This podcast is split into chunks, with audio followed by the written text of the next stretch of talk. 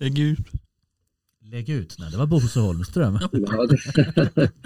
Ja, Här är Norrmalmstorg. Ja, den är, just det är det. långt tidigare. Då var jag 13 år och Ja. eh, gick faktiskt in på Norrmalmstorg. På, på utflykt från skolan, eh, en kompis och jag. Och Ja. eh, avspärrningarna på den tiden var inte så effektiva kan jag säga. Så när, när en, en, en lastbil skulle köra in mot, på Smålandsgatan in mot torget så, så sänkte polisen de här banden. Ja. Och då, då promenerade vi in där, eh, lite intet ont anande.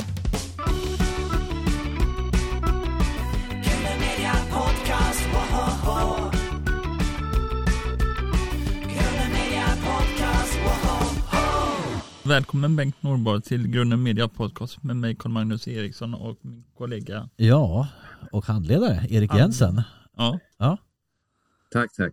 Det- Tack för det. det känns nästan man, man vill säga så att vi anropar Bengt Norborg. Att få Ja. anropa en korrespondent här. En äkta korrespondent. Det känns stort. Välkommen till vår podd i alla fall. ja. Ja. Tack. Mm. Hur är läget med dig idag Bengt? Tack bra. Eh, Jag är är ledig idag och eh, har varit ledig den här veckan eftersom jag har varit eh, iväg ett par veckor i Ukraina och då får man ta några dagar eh, och samla ihop sig lite. Det blir Ja. rätt många arbetstimmar under de Ja. där två veckorna så man får lite komp kan man säga. Är det så du jobbar i Ukraina? Att du har två veckor jobb och sen åker du hem och vilar en vecka och så två veckor? Eller är det lite olika? Ja, det är lite olika men eh, man som sagt har, har eftersom det blir ofta sådär 14, 15, ibland 16 timmars dagar under två veckor så att man är rätt slut när man kommer hem. Ja, Och då, har man, då, då behöver man ta några dagars ledighet. Sen, sen kanske man eh, har förberedelse och, och, och har lite annat att göra under ett par veckor hemma. Mm. Och sen åker man i, i ner igen och vi har satt eh, gränsen ungefär vid två veckor. Mm. För det är ungefär vad man orkar med, med, med fokus ja. om man har långa, långa arbetsdagar. För man jobbar ju alla dagar då. ja, jag tänkte en plats som Ukraina också måste vara mentalt eh, så att säga, utmanande. Ja, det kan det vara. Det kan det absolut ja, vara. Ja, Och, och lite primitiva förhållanden och så. ja, ja. eh, vill du presentera dig själv för lyssnarna i vår podcast? Ja, eh, Bengt Norberg heter jag och eh, har varit journalist sedan eh, 80-talet. Ehm, och jag gick väl direkt från eh, Journalisthögskolan till eh, radion och var eh, där några år, var väl två och ett halvt, kanske tre eh, och var bland annat med, jobbade på Ekoredaktionen på det som då hette Kanalen som Ja. sen blev Studio 1. Eh, och och den, det morgonprogram som är Studio 1 som föregångare till Studio 1 var jag med om att, att starta då. Sen gick jag till Rapport och, och SVT. Så jag har varit på SVT sedan dess, typ sedan 88 ungefär. Mm. Som utrikesreporter hela tiden och jag har varit korrespondent eh, ja, på, på flera ställen i, i, i Bosnien, i, i Asien, i, i Mellanöstern, i USA och nu i Ukraina. Mm. Hur är det att jobba som eh, korrespondent i Ukraina? Eh, Jag känner ju igen en del av det det innebär att vara i en eh, krigszon. Jag var ju korrespondent under Bosnienkriget ett par år på 90-talet och ehm, det låter kanske konstigt men man blir ju faktiskt lite van vid att eh, jobba också under de för, förhållanden som gäller under krig. Mm. Dels, dels så vet man ungefär kanske vad som krävs av förberedelser, man vet vad som krävs av utrustning, man har, Mm. vad ska jag säga, lite vana att kanske att bedöma en del av riskerna. Nu skiljer sig kriget i Ukraina en del från kriget i Bosnien för att kriget i Ukraina är ju ett utnötningskrig från luften, det vill säga det är granater, det är, är kryssningsrobotar. Eh, det är inte lika mycket av eh, vad händer bakom nästa krökkrig som det var i Bosnien. Där, där kunde man faktiskt stöta på eh, någon stridande part. Det var ju tre stridande parter i Bosnien och det rörde sig hela tiden på marken. Och det var ett markkrig i mycket högre grad än, än i Ukraina. Eh, Ukraina är ett gigantiskt land också i jämförelse med, med Bosnien så att eh, man kan ju gå omkring i de flesta ukrainska städer, både små och stora, och känna var är, undra var är kriget? För Mm. man ser inga tecken på det. Nej. Samtidigt som det naturligtvis kan komma en, en kryssningsrobot eh, från mycket, mycket, mycket långt håll och slå ner i ja, huvudstaden Kiev till exempel. Eh, som ju annars är då en fullt fungerande, nästan fullt fungerande storstad. Brist på el förstås. Eh, och i vissa områden på, med, på fler saker som, som eh, vatten och värme. Men ehm, eh, ja, jag tyckte väl att det var för viktigt för att låta bli att bevaka. Det är ändå stort det som händer i Ukraina och det berör oss alla. Och, och jag ser det som en uppgift att, eh, att hålla det här engagemanget och intresset eh, vid liv hos en, även en svensk publik då, trots att det kan verka avlägset och, och inse kopplingen mellan våra vad ska jag säga, el och matpriser idag med det krig som eh, Putin har startat och som är det värsta sedan andra världskriget. Eh, sist jag såg dig var i ett reportage när du var på vägen och så kunde du inte åka nära fronten. Hur kändes det att stå där? Om du kommer ihåg eh, när du stod där Ja. på... Nej, men det, är ju, man, man, det är ju alltid frustrerande om man har gjort en, en plan och har tänkt sig att nu, nu ska vi göra det här reportaget och just i det läget var det ju väldigt intressant att eh, försöka spegla eh, hur, hur stridsvagnsbesättningarna i Ukraina såg på det här beslutet med att skicka Leopard, att ändå till slut få de här eh, Mm. avancerade stridsvagnarna från väst, framförallt de här tyska Leopard-stridsvagnarna men även andra.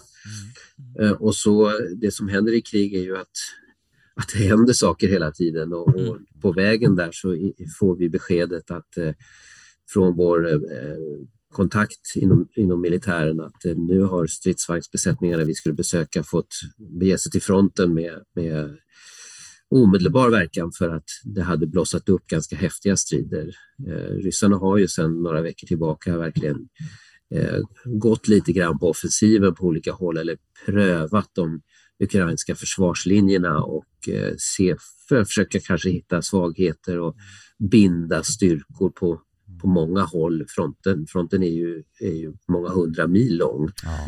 Så att, att sprida ut de ukrainska styrkorna är ju en, en, en, en taktik från den ryska sidan eftersom man har fler soldater och eh, eh, fler, mer krigsmateriel.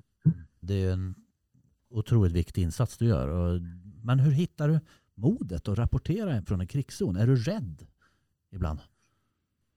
Ibland, det, det är ett viktigt tillägg. Ja. Ja, eh, man är absolut rädd ibland det Mm. tror jag man ska vara. Det är en, Mm. det är en försvarsreaktion och det skärper sinnena och eh, Mm. eh, rädslan gör också att man inte, inte är dum, alltför dumdristig. Eh, en del tycker säkert att man är dumdristig bara man beger sig till en krigszon men allt det här är ju avvägningar och, och då är rädslan en viktig del tror jag i den avvägningen som man måste göra.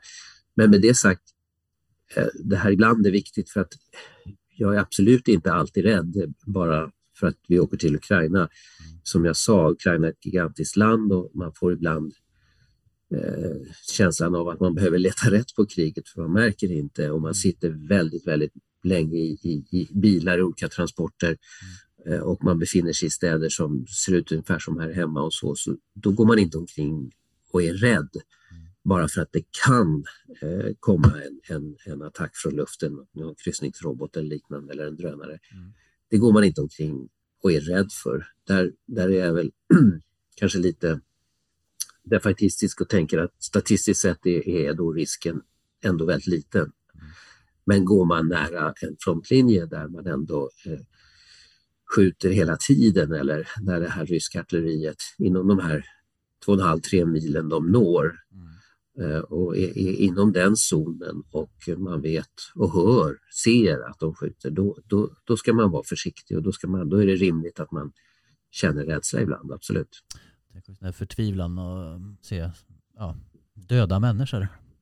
Får man um, debriefa det när man är ledig så där och bara bita ihop?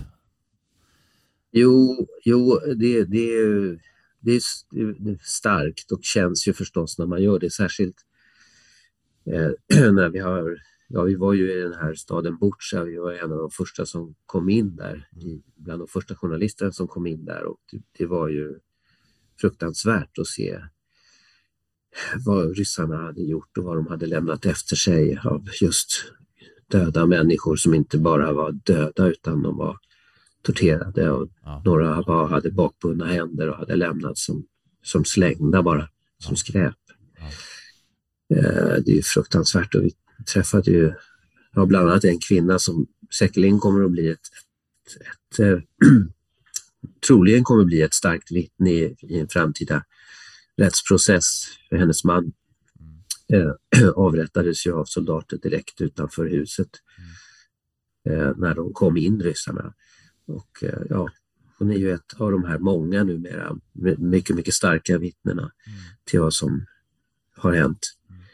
Sen återigen till skillnad från Bosnien, eh, f- förutom det här första skedet när, när eh, och det kan ju komma fler sådana, när, när städer, byar befrias och ryssarna har flytt, då, då lämnar de ju efter sig spåren som är de här hemska spåren av just eh, övergrepp, kanske tortyr och avrättningar. Eh, men annars så är det ju inte som en, ett, ett krig som till exempel i Bosnien där, där frontlinjerna böljar fram och tillbaka och där människor möts i strid på nära håll på marken. Eh, utan det är det här, den här beskjutningen, eh, artilleribeskjutningen, kryssningsrobotar och så vidare. Eh, och där är ju naturligtvis ukrainarna otroliga på att eh, snabbt, snabbt, snabbt eh, spärra av, städa undan, eh, eh, ta, ta hand om eh, naturligtvis eh, skadade men också ta hand om de döda, de kroppar som finns. Eh, och dessutom är man otroliga på att eh, återställa, bygga upp, reparera, eh, vad det nu än är. Eh, det är ett sätt att visa också en slags eh, motståndsvilja, Ja. styrka och jag skulle säga att det är ett otroligt starkt civilsamhälle, Mm. det ukrainska.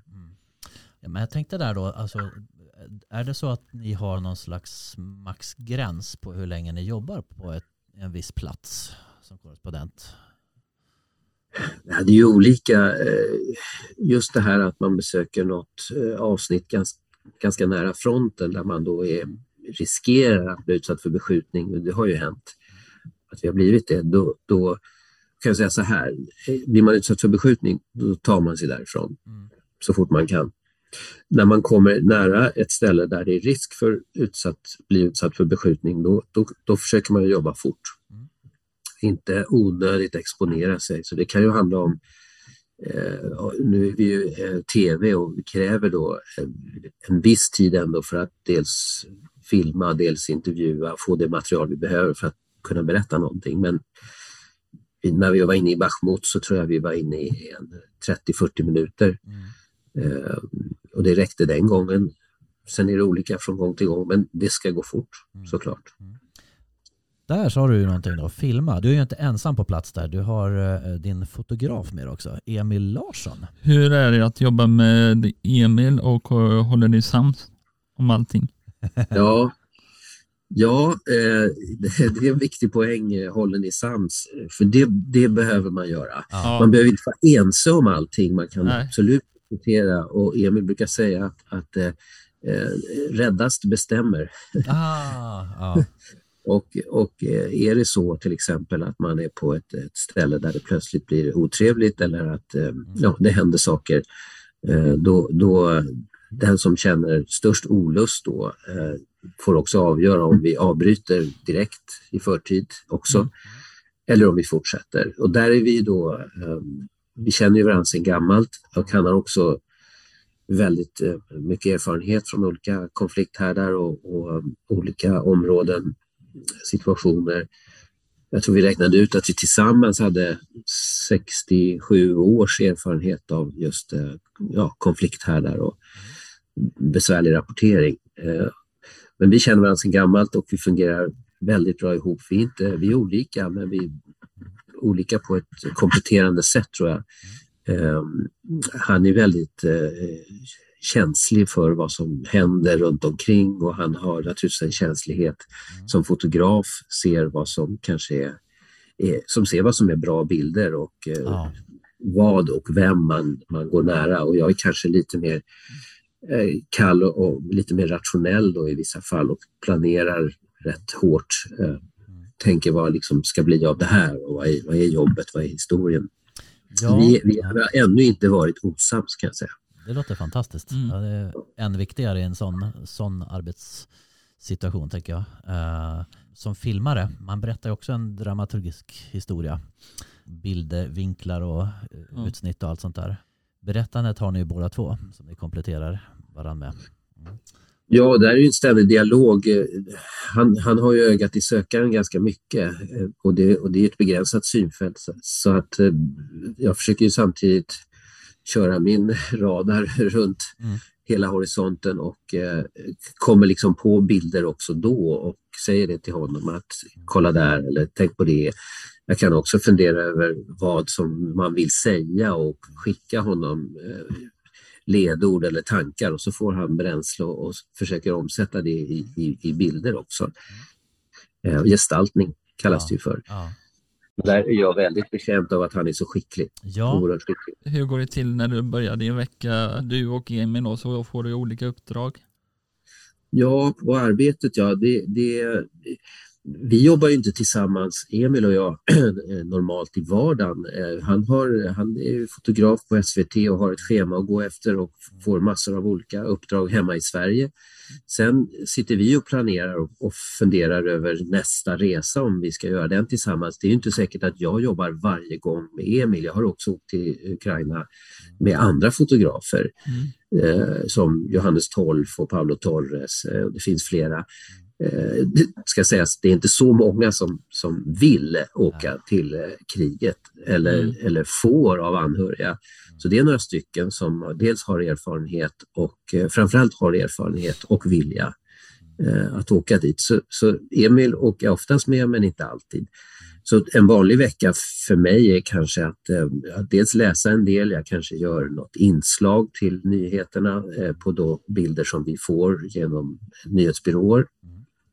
Jag kan sitta i, med, i ett studiosamtal eh, i direktsändning både morgon, middag och kväll eh, när det sänds. Eh, men eh, ja, så, så, så tiden går eh, snabbt på jobbet också. Sen som sagt så sitter man i telefon och pratar med folk där nere och funderar över vad ska vi göra härnäst.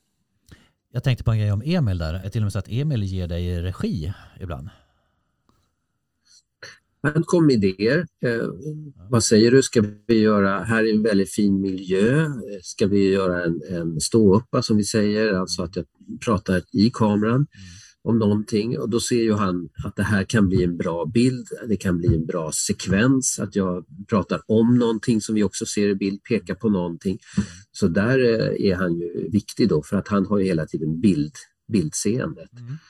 Eh, ja, regi, det är ett slags regi kan man säga. Ja. Improviserar du eller går du efter manus eller kan du i direktsändning? Ja, det är ju det är lite olika sorters direktsändningar. Om vi har till exempel eh, en, en direktsändning hemma i studion, då är det, är det ju i regel väldigt bestämt vad, vad är det. Vi har, vi har ju väldigt kort tid kanske och vi har eh, det är vissa saker som ska komma fram så jag vet ganska väl vad som frågas och eh, de vet ungefär vad mitt svar blir. Mm. Eh, Så att jag har väl förberett mig åtminstone i huvudet och ibland också har skrivit ner lite stolpar och så. Ja. Sen, sen när man står i direktsändning från Ukraina och då kan det vara mer improviserat, särskilt om det är morgonsändningar och det är lite längre eller vi har ibland direktsändningar mitt på dagen och då kan de ju vara kanske 20 minuter och då, då sitter man ju inte och förbereder det. Det skulle ta för lång tid utan då får man ju improvisera och gå efter vad man ändå har i huvudet. Eh, En del har man ju har jag ju lärt mig under, under resans gång och jag har ju en del att kanske ösa ur också sen, sen tidigare så, från andra erfarenheter. Är det så att ni har en här, maxgräns på hur länge ni stannar i ett land? Att ni roterar sen, ko- korrespondenterna? Ja, det där har ju flutit lite eh, genom åren. Ett tag så var det två plus ett, alltså man fick ett tvåårsförordnande och så kunde man få en förlängning med ett år och eh, då var tre år så att säga en, en normal maxgräns. Det där har tänts ut då och det har varit olika med olika korrespondenter. En, en del har blivit ombedda att stanna eh, längre, eh, inte minst på senare år. Eh, Men någonstans runt fem, där någonstans brukar det gå någon, någon slags gräns. Sen kan det finnas praktiska, praktiska skäl till att det ändå blir ändå lite längre i, i vissa fall för att man har svårt att hitta rätt ersättare eller det finns olika praktiska hänsyn. Men någonstans där runt fem är är väl en normal eh, maxgräns. Sen, sen vill man ha en rotation. Eh, dels för att eh, det känner jag ju själv efter att jag hade varit fem år i Mellanöstern. Då bad jag själv att få, få komma hem för jag, jag kände att jag tappade lite av, eh, jag ska säga, gnistan. Man gjorde, tyckte att man gjorde om en, en hel del jobb. Ja. Eh, och det var inte lika inspirerande och, och på vissa ställen, och så var det på, i Mellanöstern, kände man att det stod still väldigt mycket. Det hände, det hände saker men det var en repetition av, av samma saker som hände. Och den större utvecklingen stod egentligen väldigt mycket still. Och då tror jag det är bra att någon annan kommer ner och ser det här med nya fräscha ögon och, och med ny energi kanske. Och att man själv också lär sig, går in i något annat område och blir inläst på det istället. Apropå det du sa här om de olika årsgränserna. Så att säga. Hasse Svens, är han fortfarande kvar i Helsingfors? Jag tänkte han måste i så fall ha en specialklausul där, för så länge jag kan minnas har han varit i Helsingfors. Ja, så det, det är lite olika. Vi har ju dels det som kallas korrespondenter eh, inom SVT då. Det är ju i regel då utskickade människor som kommer hemifrån och så blir de utskickade på kontrakt och, och, och eh, en speciell status och det finns speciella eh, fördelar koppl eh, kopplade till det här korrespondentskapet. Men sen har vi också mera löst knutna medarbetare och det här har också varierat lite under åren. Det har varit ibland rena frilansmedarbetare men det har också varit eh, människor som eh, ja, varit mera löst knutna, inte, inte jobbat heltid för SVT utan just eh, haft kontrakt på att kunna leverera ett antal jobb i månaden eller ja, motsvarande någon slags eh, deltid kanske. Och där har ju Hasse Svens varit en, en eh, fantastisk lösning Oh, tror jag ja, för, ja. för SVT under väldigt många år för att han har funnits där och ryckt in i alla möjliga situationer. Sen kanske det har varit tyst också i månader. Eh, men nu, har- nu har vi ju Liselott där och hon är väl, tror jag, mer fastare knuten till, till eh, SVT. Så att jag vet inte riktigt hur hennes anställningsförhållanden ser ut, men hon kan man säga har avlöst Hasse. Jag vet inte om Hasse också är pensionär nu, numera. ah, jag, kan, jag inte, kanske inte hängt med riktigt så här, men för mig är det så här 40-årig Vi får googla. kar- karriär som Mr. Mr. Finland korrespondent. där, Liksom. Ja, jo, en lång tid.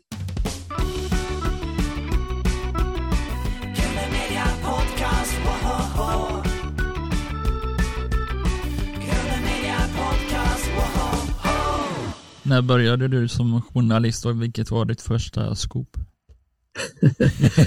Scoop, ja. Ja, skop, ja. Uppdrag. Ja. Ja, eh, nej men jag började, jag började ju... Jag gick ju någon, någon kvällskurs först som hette Poppius journalistskola och sen gick jag på JH. Det var väl, började väl där 80, var det 83, 84 som jag började och så skrev jag väl liksom några frilansartiklar då under de här, de här studieåren. Eh, ja, lokaltidningar och någon för Svenska Dagbladet och, och så. Och sen eh, gick jag väl inte färdigt JH riktigt utan fick, fick jobb på, på radion eh, och så gjorde jag färdigt JH parallellt med jobb på, på Sveriges Radio. Och det var väl 85 tror jag.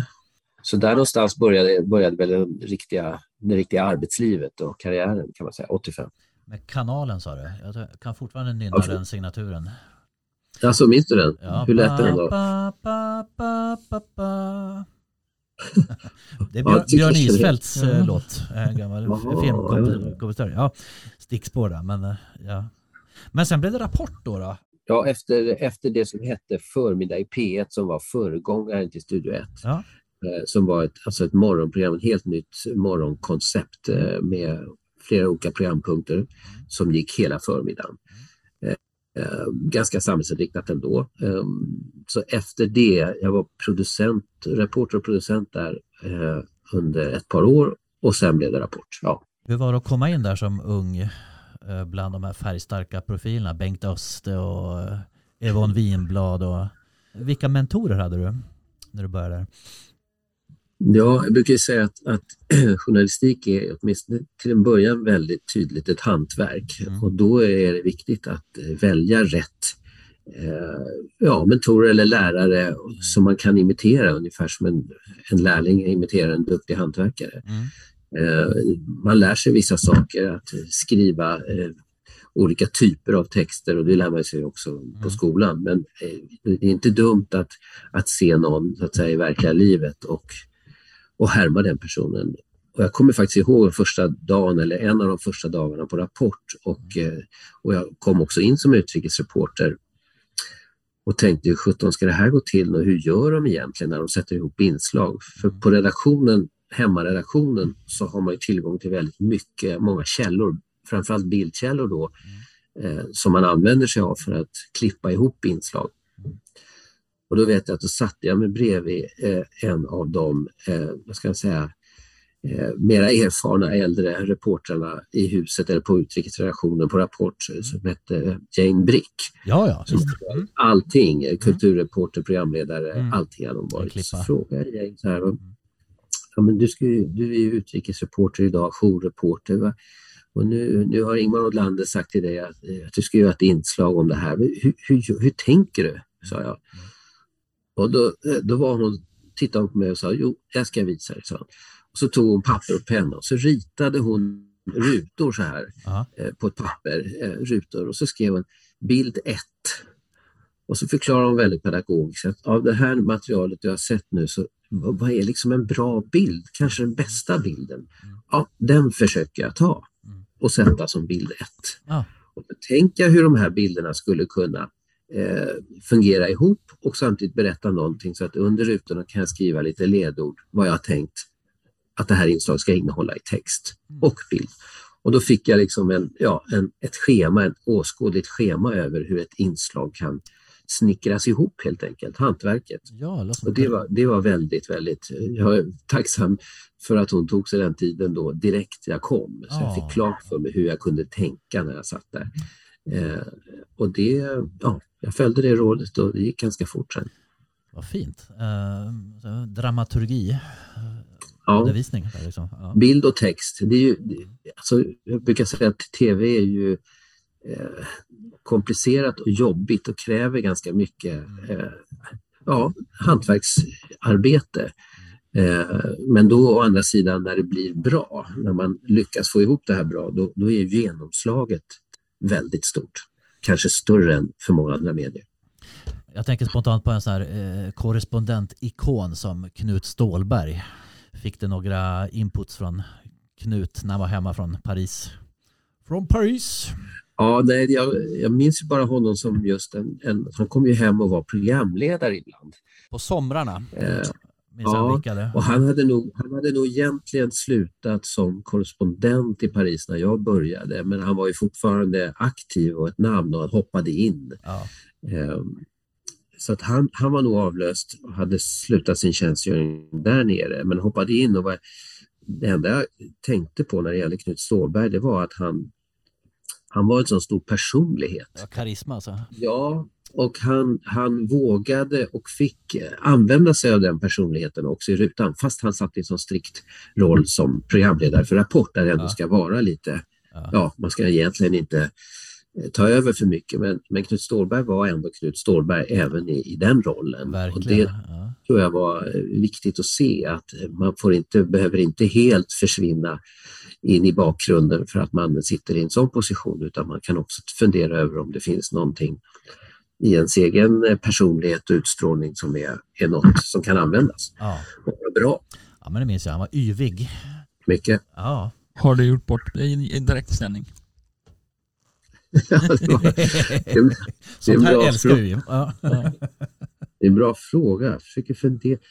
Nej, till direktsändning tror jag inte faktiskt. Men jag kommer ihåg en gång när jag, det var, det var så bråttom. Det var bland annat när, eh, i samband med mordet på Indira Gandhi. Mm.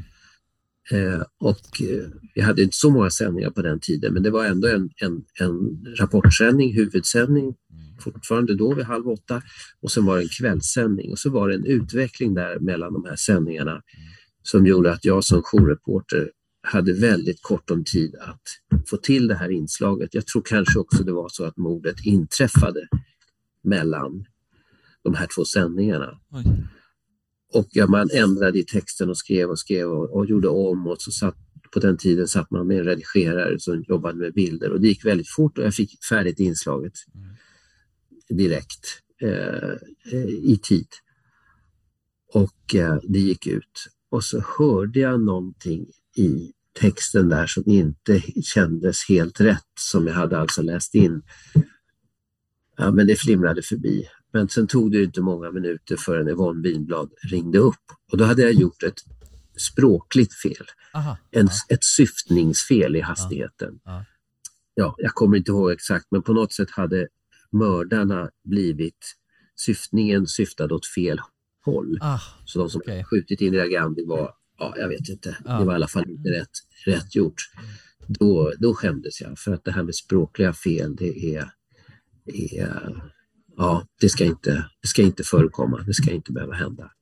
Men nu slår det mig faktiskt ett, ett, ett annat eh, misstag av en annan karaktär som var en lärdom, apropå det här med mentorer och eh, eh, äldre erfarna kollegor. Det var också ett av de första inslagen jag gjorde på Ekot, för jag kom till Ekot först. Jag gjorde Mm. praktik på Ekot. Och då fanns det eh, en, en av programledarna hette Bengt Bylund som också ibland kallades för Mr Ekot.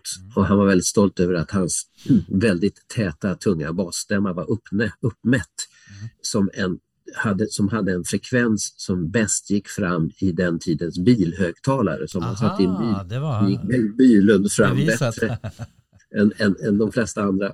ja, Han hade en väldigt tung och tät stämma, oerhört bra. ja, Och jag gjorde ett inslag som handlade om Clark Olofsson. Ja. Det gick också fort som det ofta gör i nyhetssammanhang och ut gick inslaget och jag satt längst ner i korridoren där i allmänreporterrummet och så hörde man Bengt Bylunds ganska tunga steg i korridoren på väg ner och kommer in i rummet där jag och några andra satt och han röt åt mig. Norborg, vi är inte Clark med Clark Olofsson. Ja, det hade det, och det, det glömmer man ju inte. Att, Mm. nej, eh, nej. Vad, vad är liksom en, en etiketten? Vad, hur, hur beter man sig? Hur Hur, benämner man en, Ja, en, en kriminell? Man är inte kompis. Ja, Man är inte på förnamnsnivå bara, utan för och efternamn eller bara efternamn. nej, det är sant. Har du sett den svenska filmen med Clark Olofsson på Netflix? Nej, det har jag faktiskt inte. Nej. Den har ju, apropå kompisnivå, känns som den har Den är fylld med humor och nästan säga lite glorifierande. Ja. Lite stickspår där men ja. Det är bra, Ja. det är bra Eh, Den, tv-serietips. den förhåller sig inte på nyhetsnivå kanske. Ja. Riktigt. Men det har nog något Ja. att se i alla fall. Ja. Ja. Men vad tänker du över när du ser gamla klipp på dig själv? Är du en sån som går tillbaka och tittar, hur, vad gjorde jag då? Hur, Nej, det brukar jag nog inte göra. Det är Ja. mera då att, eh, att man oförhappandes dyker, om man söker på något eh, Ja. ämne eller något land eller en konflikt så dyker man kanske upp någonstans där. Mm. Eh, Det kan vara, kan vara roligt att se. Det blir ju, det blir en tidsresa.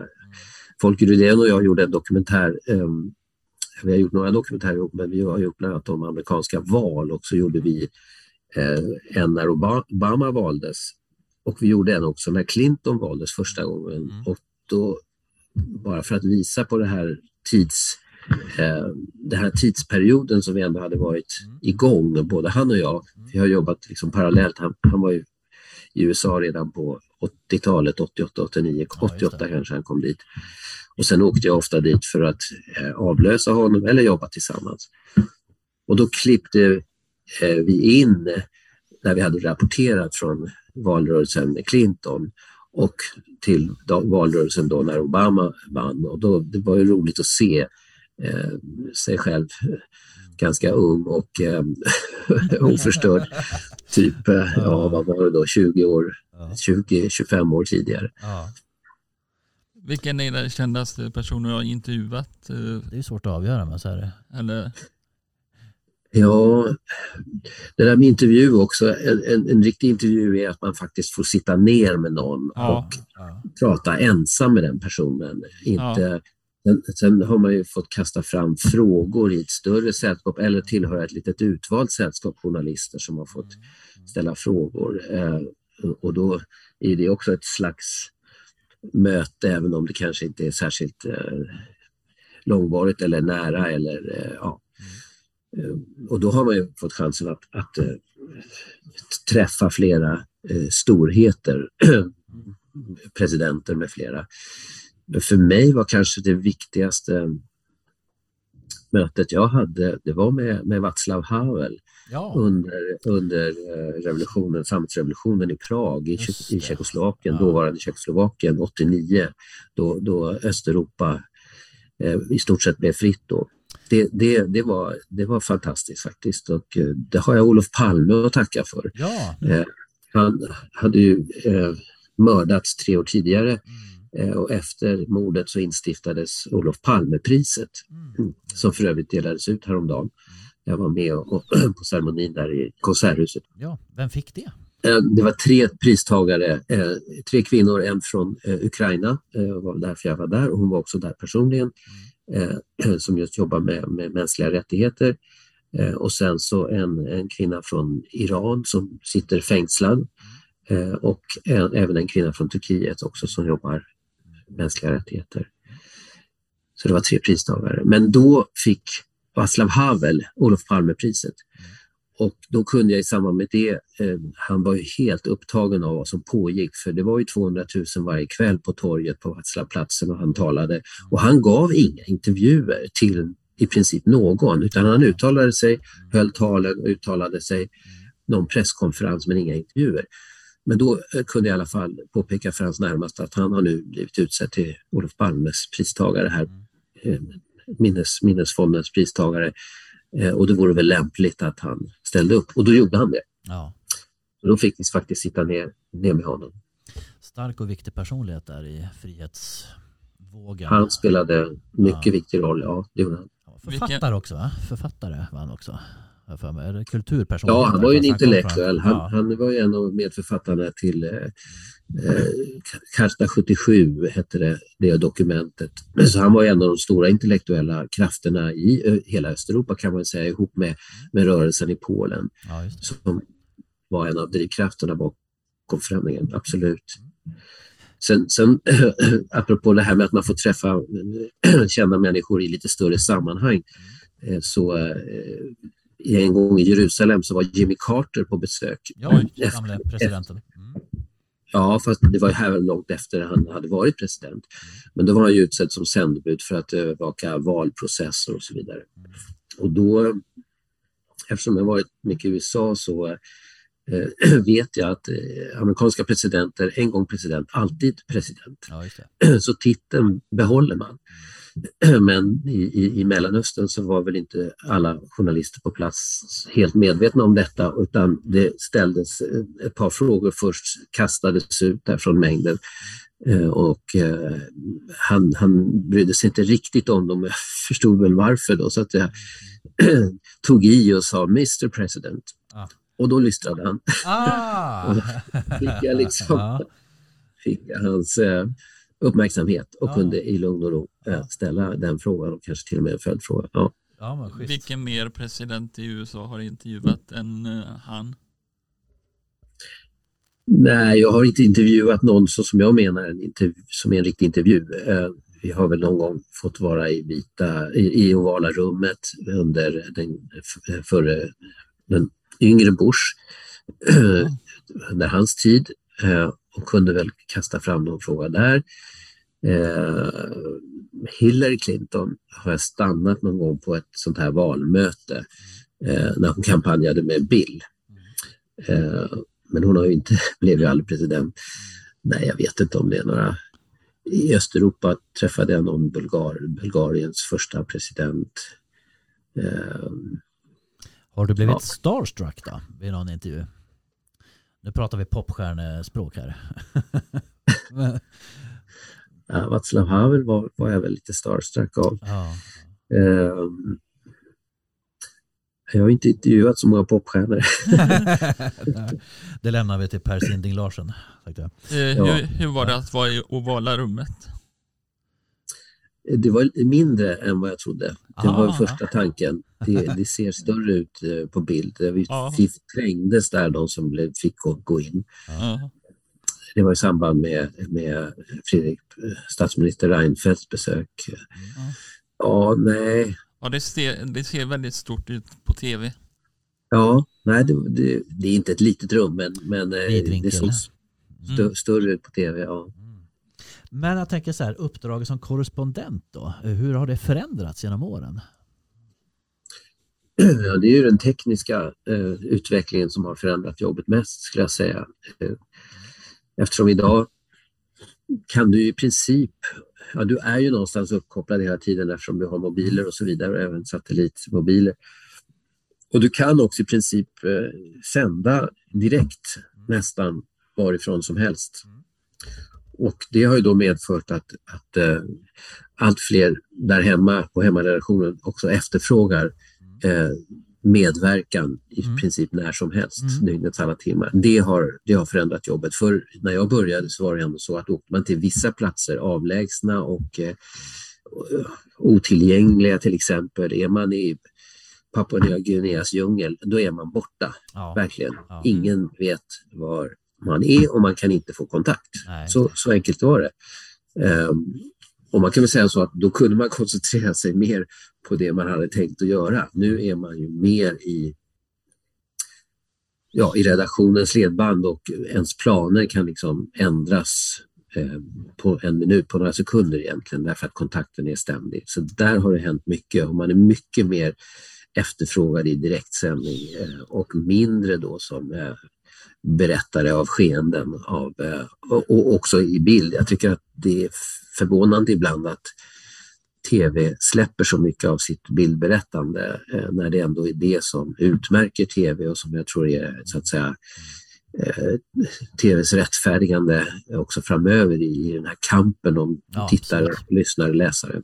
Jag tänker här inrikes så att var och varannan reporter har väl blivit av med sin kameraman och får ställa upp en kamera själv. Inte på, inte på den stora huvudredaktionen, Nej, inte, nej. inte i Stockholm, men ja, lokalt absolut. Mm. Där eh, filmar och klipper många själva. Ja. Eh, Vad gör du på fritiden? Ja, jag, eh, jag är ju gammal fotbollsspelare så att jag Aha. försöker hålla igång lite fortfarande på skoj Ja. med bland annat kollegor från jobbet. Eh, um, det börjar väl eh, gå mot sitt slut nu, jag är ändå en bit över 60. Men eh, jag har, har eh, barn och barnbarn. Jag har två barnbarn nu med. Jag har fyra barn och eh, två barnbarn. Härligt. Eller barn är ju fel att säga, men en av dem bor hemma fortfarande. Så. Ja, just det. är. Jag tänker på fotbollslaget här. Har ni, ett, eh, har ni någon sån här journalistlag? Du och Folker Rydén och gänget? Då? Nej, det har vi inte. Det, det har alltid funnits något som bland annat genom tv-sporten, jag vet inte hur det är idag, men det, det har jag inte hört talas om knappt. Det fanns ju ett tv-lag förr i tiden. ja, men med- med- TV-laget ja. Lasse Åberg och eh, Bengt Bedrup. Ja, Ja, just det. Nej, det här är bara eh, kompisgäng och eh, folk också utanför medierna och SVT som, som är med och spelar eh, inomhusfotboll helt enkelt. Men jag tänker fritiden här då. Är det så att alltså, det går att släppa ett sånt här uppdrag? Eller tar man med sig det när man är ledig? Och, jag tänker att Man det, det sätter sig det. det djupt. Tänker jag. Ja, Nej, men å ena sidan så tycker jag att man, man måste släppa det lite grann. Det, det, det är den mentala vilan som ändå krävs. Men, men det är klart att man inte kan släppa det, eh, som, som jag sa, uppkopplad hela tiden Mm, och eh, man kan mm. inte låta bli att kolla eh, på vissa kolla vissa kanaler, vad är det som har hänt idag? Det, Ja. det är klart att man hänger med fast man är ledig. Vilket fotbollslag håller du på? Djurgården. Hörde du det att Zlatan hade, de sa igår på nyheterna att Zlatan hade köpt en lägenhet? Har han köpt en lägenhet? Ja. Ja, i Stockholm, sa de. Ja, jag trodde att han ägde ett helt hus Ja, någonstans på ja. Östermalm. Han skulle kunna köpa Stockholm, liksom. Så, Ja, enorma pengar. ja, Ja. konstigt. Om du fick träffa Zelensky respektive Putin och ställa en fråga till dem. Vad skulle du vilja fråga dem? Ja, vad ska man säga till Putin? Varför i helvete gjorde du så här? Ja. Nej, jag vet inte. Det, det, det är svårt att tänka sig in i den situationen därför att han är ju så oåtkomlig och eh, ovillig och eh, ja, suttit där vid sitt eh, 10 meters bord och, och hållit eh, långa föredrag, eh, bisarra föredrag om eh, vad han menar är rysk historia och därmed försöka rättfärdiga eh, Ja. eh, invasion och krigsförbrytelser. Eh, Ja. jag vet inte, jag skulle nog, jag skulle nog fråga om hur han ser på, på de krigsbrott som har begåtts och de processer som ju faktiskt hittills alltid följer. Eh, andra världskriget är ett sådant exempel och sen har vi närliggande mindre krig också i Europa, Jugoslavienkriget till exempel, eller vad som hände i Rwanda. Jag för, skulle inte förvänta mig något, något eh, vettigt svar mer än ett, ett kanske halvtimmes timslångt föredrag om, om rysk historia och alla oförrätter och alla offer som, som Ryssland ska ha, ha tvingats göra för att skydda vad det nu är de vill skydda imperiet, men han kanske till och med skulle tala om demokrati, vad vet jag. Zelensky, hur, hur orkar du? ja. Mm. Helt otroligt. Eh, Han är, ju, han är ju med hela tiden och han håller sina kvälls, eh, kvällsuppdateringar och föredrag. Han är ju, han är ju verkligen en eh, coach för sitt land. När han eh, både peppar och kommer med nya tankar och direktiv och samtidigt försöker städa upp bland rötäggen i de egna leden. Eh, ja, men hur orkar du, skulle frågan vara. Hur, nära, Otroligt. hur nära har du varit han? Eller, Nej, men vi har, vi har varit med. Han, var, han kom ju till Butja då, när vi var där. Helt oväntat dök han upp med ett entourage där av, av vakter och andra. Och, eh, eh så vi, vi träffade ju honom, träffade i naturligtvis en, jätte, en klunga av journalister och säkerhetsfolk. Det var inte så lätt att komma nära. Men fick ändå eh, ett par av hans svar med oss eh, därifrån. Eh, men det är enda gången jag har varit nära honom. Ja. fick du ställa någon fråga till Zelenskyj? Jag fick, jag fick se hur Emil Larsson brottade sig fram Mm. eh, och lyckades till och med trycka undan BBCs fotograf för att eh, få den, eh, i mitt tycke, bästa bilden och komma närmast Zelensky. Han gjorde en insats. Jag kunde inte klämma mig in samtidigt med honom där. Det var för trångt. Eh, Det var några som, som stack fram en mikrofon och Emil hade också mikrofonen på kameran så att vi, vi fick det vi behövde så att säga. Det var några givna frågor men de ställdes inte av mig.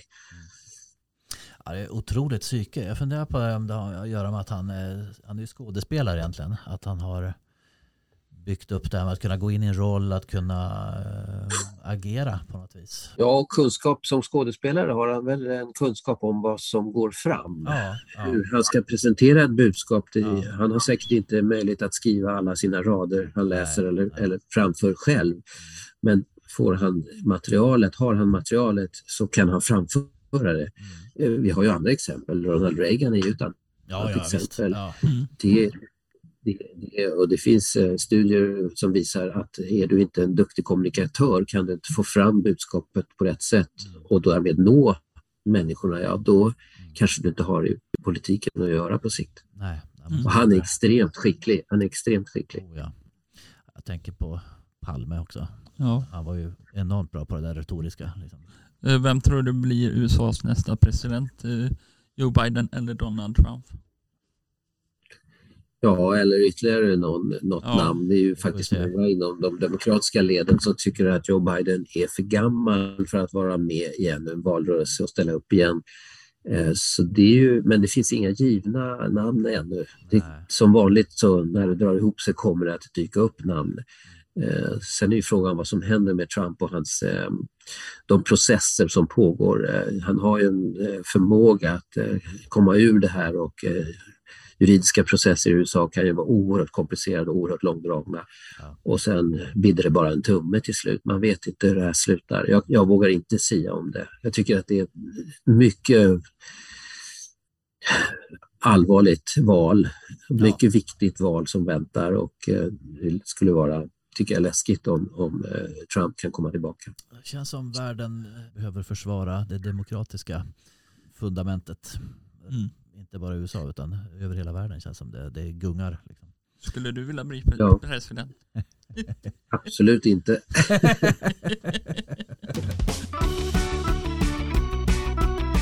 Killer Media Podcast, woho!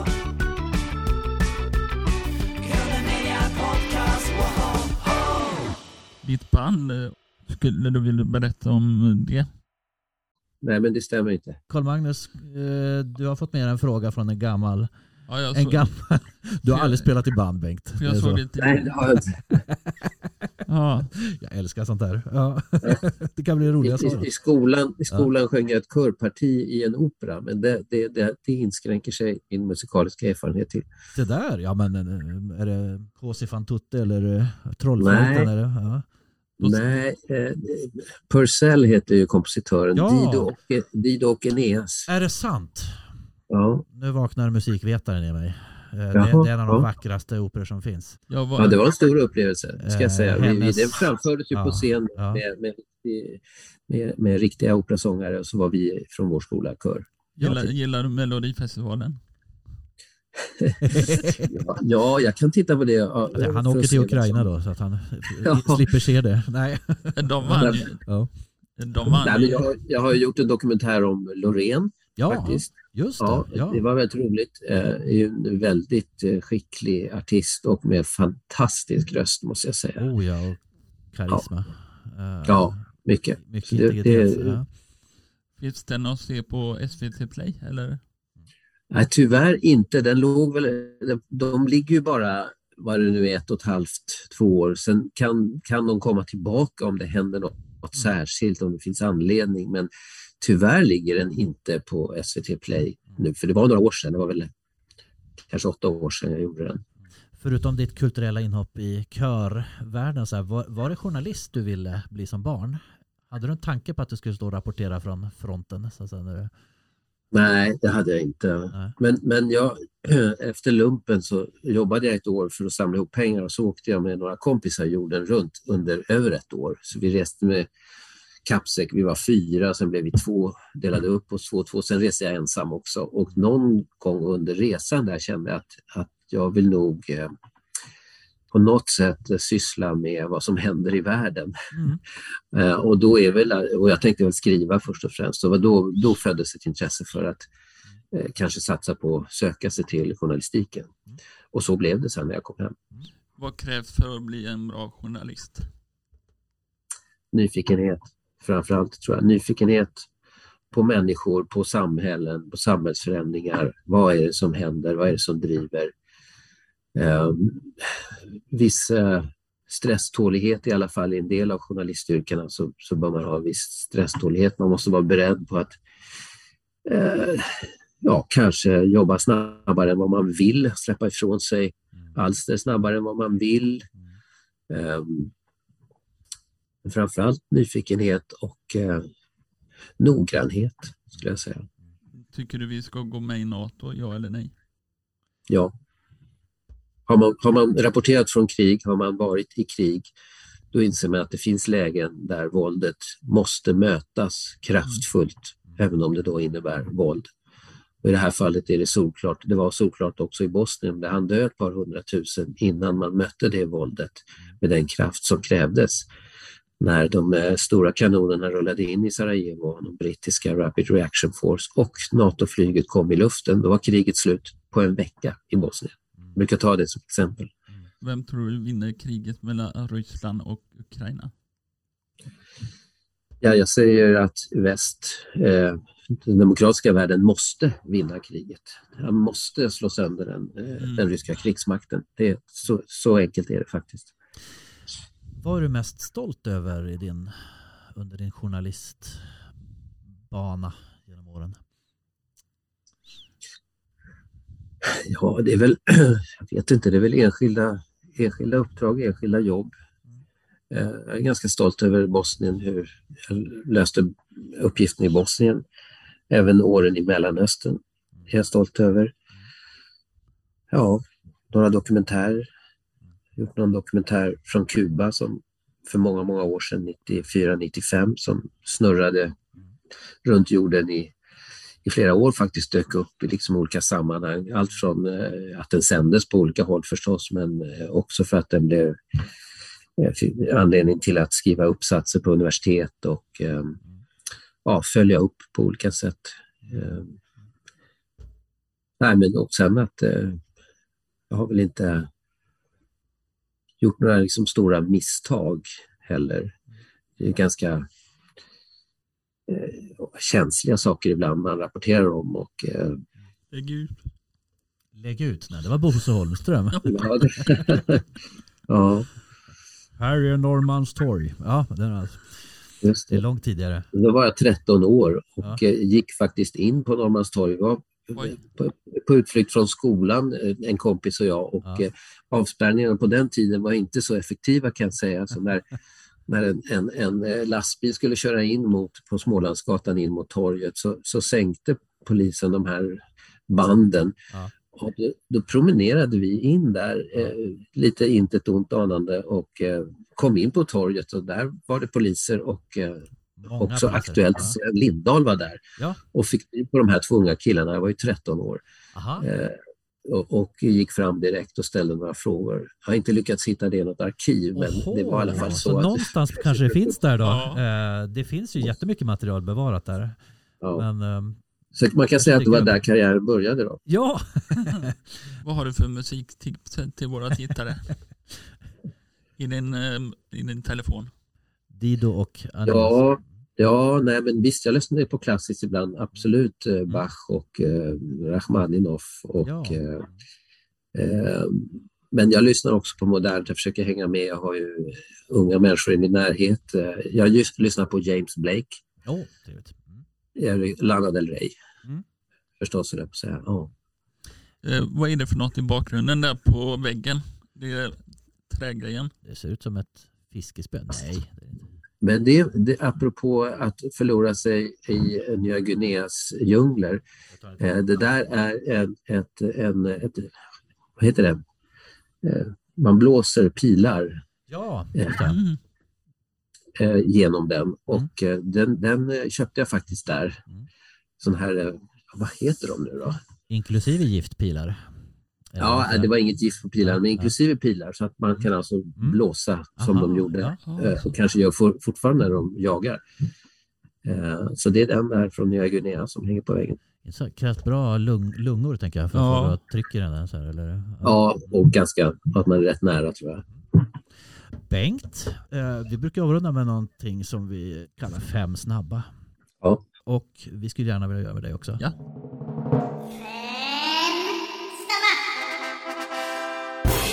Kaffe eller te? Kaffe, alltid espresso helst. Mycket kaffe, lite vätska. Eh, manus eller improvisation?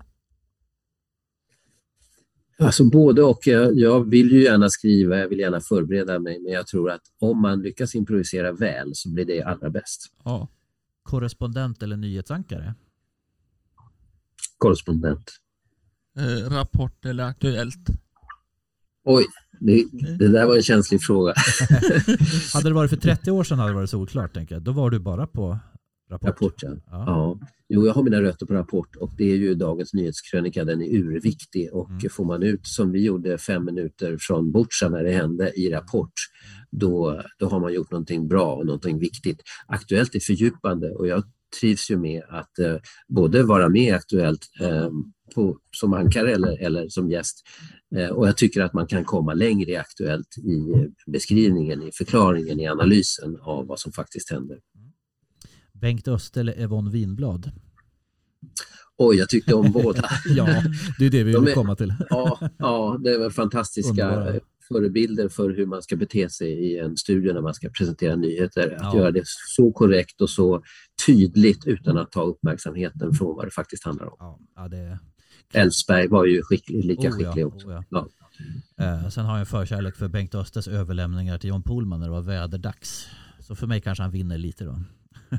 Min absoluta favorit var ändå Ulla-Karin Lindqvist. Ja, ja men gud ja. Ja. Enormt saknad. Mats Hodell var en favorit också, men han var på Aktuellt tror jag. Han var på Aktuellt, honom kände jag också personligen. Ja, ja. En mycket, mycket sympatisk, mycket, mycket skicklig yrkesman. Han hade det här helt nollställda ansiktet ja, men kunde om någonting gick snett i direktsändning, så apropå improvisationer, då kunde han improvisera och till och med skämta utan att röja en min på hög nivå. Mycket skicklig. fantastiskt bra. Uh, synd, han, han försvann tidigt, minns jag. Eh, det var tråkig förlust. Ja.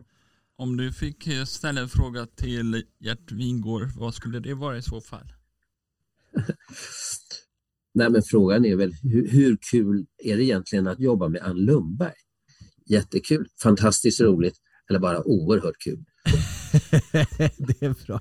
Han får välja en bara. Ja. Ja. Eh, Och om du fick välja någon gäst till din mobil, vad skulle det vara i så fall? Ann Lundberg.